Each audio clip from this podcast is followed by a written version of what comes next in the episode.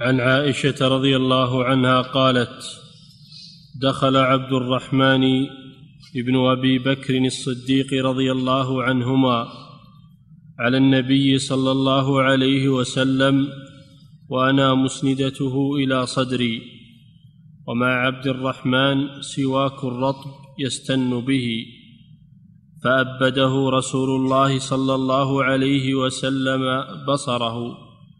فاخذت السواك فقضمته وطيبته ثم دفعته إلى النبي صلى الله عليه وسلم فاستن به. فما رأيت رسول الله صلى الله عليه وسلم استنى استنانا قط أحسن منه. فما عدا أن فرغ رسول الله صلى الله عليه وسلم رفع يده رفع يده أو اصبعه ثم قال في الرفيق الأعلى ثلاثا ثم قضى وكانت تقول مات بين حاقنتي وذاقنتي. نعم هذا الحديث في قصة وفاة النبي صلى الله عليه وسلم. وماذا عمل عند الموت؟ النبي صلى الله عليه وسلم لما مرض استأذن أزواجه أن يمرض في بيت عائشة رضي الله عنها وهذا من فضائلها رضي الله عنها فأذن له بذلك. فنقل إلى بيت عائشة ومرض فيه. فلما حضرته الوفاة عليه الصلاة والسلام جعلته عائشة في حجرها جعلت رأسه في حجرها تلطفا به صلى الله عليه وسلم وخدمة له جعلت رأسه في حجرها بين حاقنتها وذاقنتها وفي رواية بين سحرها ونحرها. وتوفي رسول الله صلى الله عليه وسلم وهو في هذا المكان من عائشة رضي الله عنها. قالت فدخل عبد الرحمن أخوها الرحمن بن أبي بكر. أخوها وهو أكبر أولاد أبي بكر الصديق وهو شقيق لعائشة رضي الله عنها. ومع عبد الرحمن سواك معه سواك سواك أخضر. فجعل رسول الله صلى الله عليه وسلم يبده يبده بنظره يعني ينظر إليه ويطيل النظر إليه. لكنه لا يستطيع عليه الصلاة والسلام أن يتكلم. ففهمت عائشة رضي الله عنها رغبة الرسول صلى الله عليه وسلم في هذا السواك فأخذته من أخيها ثم هيأته وطيبته يعني أصلحته طيبته يعني أصلحته فقضمته أزالت القشرة التي عليه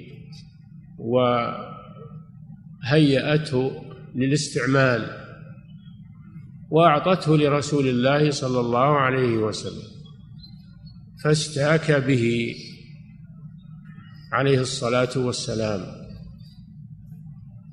ثم رفع أصبعه فقال في الرفيق الأعلى اللهم في الرفيق الأعلى اللهم في الرفيق الأعلى ثلاث مرات ثم قضى عليه الصلاة والسلام. يعني خرجت روحه.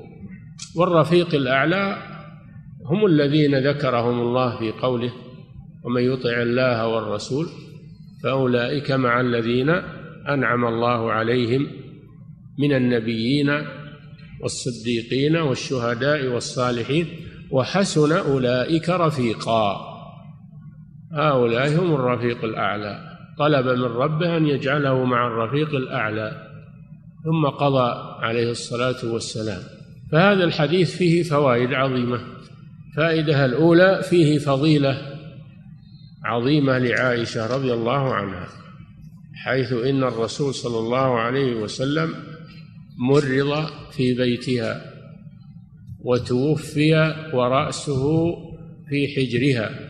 وأنها قامت بخدمته في هذه الحال وفهمت ما يريد فهيأت له المسواك ودفعته إليه فاستعمله صلى الله عليه وسلم. هذه كلها من فضائل عائشة رضي الله عنها. وفيه مشروعية السواك وفيه مشروعية السواك واستحباب السواك حيث إن النبي صلى الله عليه وسلم في آخر حياته استعمله وطلبه دل على فضيلة السواك. وفيه جواز استعمال المسواك الرطب. استعمال المسواك الرطب لا يتعين أن يكون المسواك يابسا بل ولو كان رطبا. لأنه يحصل به ما يحصل بالعود اليابس. وفيه خدمة أهل العلم والفضل خدمة الزوجة لزوجها. فإن عائشة رضي الله عنها خدمت الرسول صلى الله عليه وسلم في هذه الحالة. وفيه أن الرسول صلى الله عليه وسلم بشر. يجري عليه ما يجري على البشر فيموت يمرض مرض صلى الله عليه وسلم كما يمرض الناس ومات كما يموت بنو آدم. قال سبحانه وما محمد إلا رسول قد خلت من قبله الرسل أفإن مات أو قتل انقلبتم على أعقابكم وقال سبحانه إنك ميت وإنهم ميتون. قال سبحانه وما جعلنا لبشر من قبلك الخلد أفإن مت فهم الخالدون. كل نفس ذائقة الموت. ففيه أن الرسول صلى الله عليه وسلم مرض أصابه المرض وأصابته سكرات الموت ومات عليه الصلاة والسلام. لهذا رد على المخرفين الذين يقولون إن الرسول لم يمت.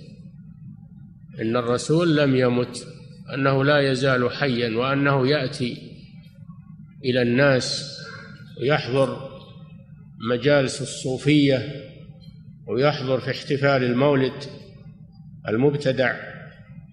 هذا كله من الأكاذيب والخرافات. الرسول صلى الله عليه وسلم توفي كغيره من من البشر وانتقل إلى الرفيق الأعلى وترك الدنيا عليه الصلاة والسلام. هذه مسألة عظيمة في العقيدة وأن الرسول صلى الله عليه وسلم كغيره بلغ الرسالة وأدى الأمانة وترك فينا كتاب الله وسنة رسوله صلى الله عليه وسلم. ولما أكمل الله به الدين وأتم به النعمة توفاه الله عز وجل. اليوم أكملت لكم دينكم وأتممت عليكم نعمتي ورضيت لكم الإسلام دينا. وما عاش صلى الله عليه وسلم بعد نزول هذه الآية إلا بضعة وثمانون يوما توفي عليه الصلاة والسلام. وقد أعطاه الله أمارة علامة إذا رآها فإنها دليل دليل على قرب أجله عليه الصلاة والسلام. أنزل الله عليه قوله تعالى بسم الله الرحمن الرحيم إذا جاء نصر الله والفتح ورأيت الناس يدخلون في دين الله أفواجا فسبح بحمد ربك واستغفره إنه كان توابا. هذه علامة جعلها الله في أمة محمد صلى الله عليه وسلم تدل الرسول على قرب أجله فكان يستغفر الله في الركوع بعدما نزلت عليه هذه الآية. يتأول القرآن كما تقول عائشة يعني يفسر القرآن بذلك. نعم. وفي لفظ فرأيته ينظر إليه وعرفت نعم. أنه يحب السواك. وفيه العمل بالإشارة فيه العمل الحديث العمل بالإشارة. إن الرسول صلى الله عليه وسلم لم يتكلم ولكنه يعطي إشارة إلى ما يريد. ففهمت عائشة رضي الله عنها هذه الإشارة فعملت بها. نعم. وفي لفظ فرأيته ينظر إليه وعرفت أنه يحب السواك فقلت آخذه لك فأشار برأسه النعم. نعم. هذا لفظ البخاري ولمسلم نحوه. نعم هو ما تكلم عليه الصلاة والسلام ولكنه كان ينظر إلى السواك فلما أطال نظره إليه قالت عائشة آخذه لك؟ فأشار برأسه النعم. فأخذته وهيأته له صلى الله عليه وسلم. ففيه العمل بالإشارة المفهومة إذا فهمت. وأنها تقوم مقام تقوم مقام اللفظ. ومنه قوله تعالى قال آيتك ألا تكلم الناس ثلاثة أيام إلا رمزا يعني إشارة. فأوحى إليهم خرج على قو... يعني زكريا عليه السلام. خرج على قومه من المحراب فأوحى إليهم أن سبحوا بكرة وعشيا أشار أوحى إليهم يعني أشار إليهم لأنه امتنع من الكلام من غير خرس من غير خرس وإنما هذه علامة جعلها الله له. قال رب اجعل لي آية. قال آيتك ألا تكلم الناس ثلاثة أيام إلا رمزا وفي الآية الأخرى ثلاثة أيام سوية يعني ليس بك مرض أو مانع. يمنع من الكلام. نعم.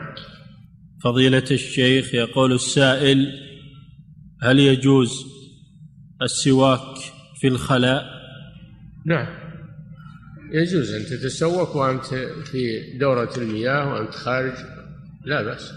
فضيلة الشيخ يقول السائل ما المراد بقول عائشة رضي الله عنها بحاقنتي؟ المراد في حجرها المراد في حجرها. والحاقنة هي ما بين الترقوتين.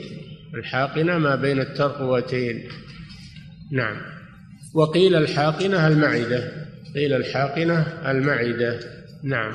والذاقنة الذقن مكان الذقن. نعم. المهم أن الرسول صلى الله عليه وسلم توفي ورأسه في حجرها. نعم. فضيلة الشيخ يقول السائل إني أستاك إذا كنت صائما. إني؟ إني أستاك إذا كنت صائما ولكن طعم السواك يدخل إلى بطني وأحس بذلك. تلفظ. إذا أحسست بطعم تلفظه. إن ذهب من غير تعمد إذا ذهب من غير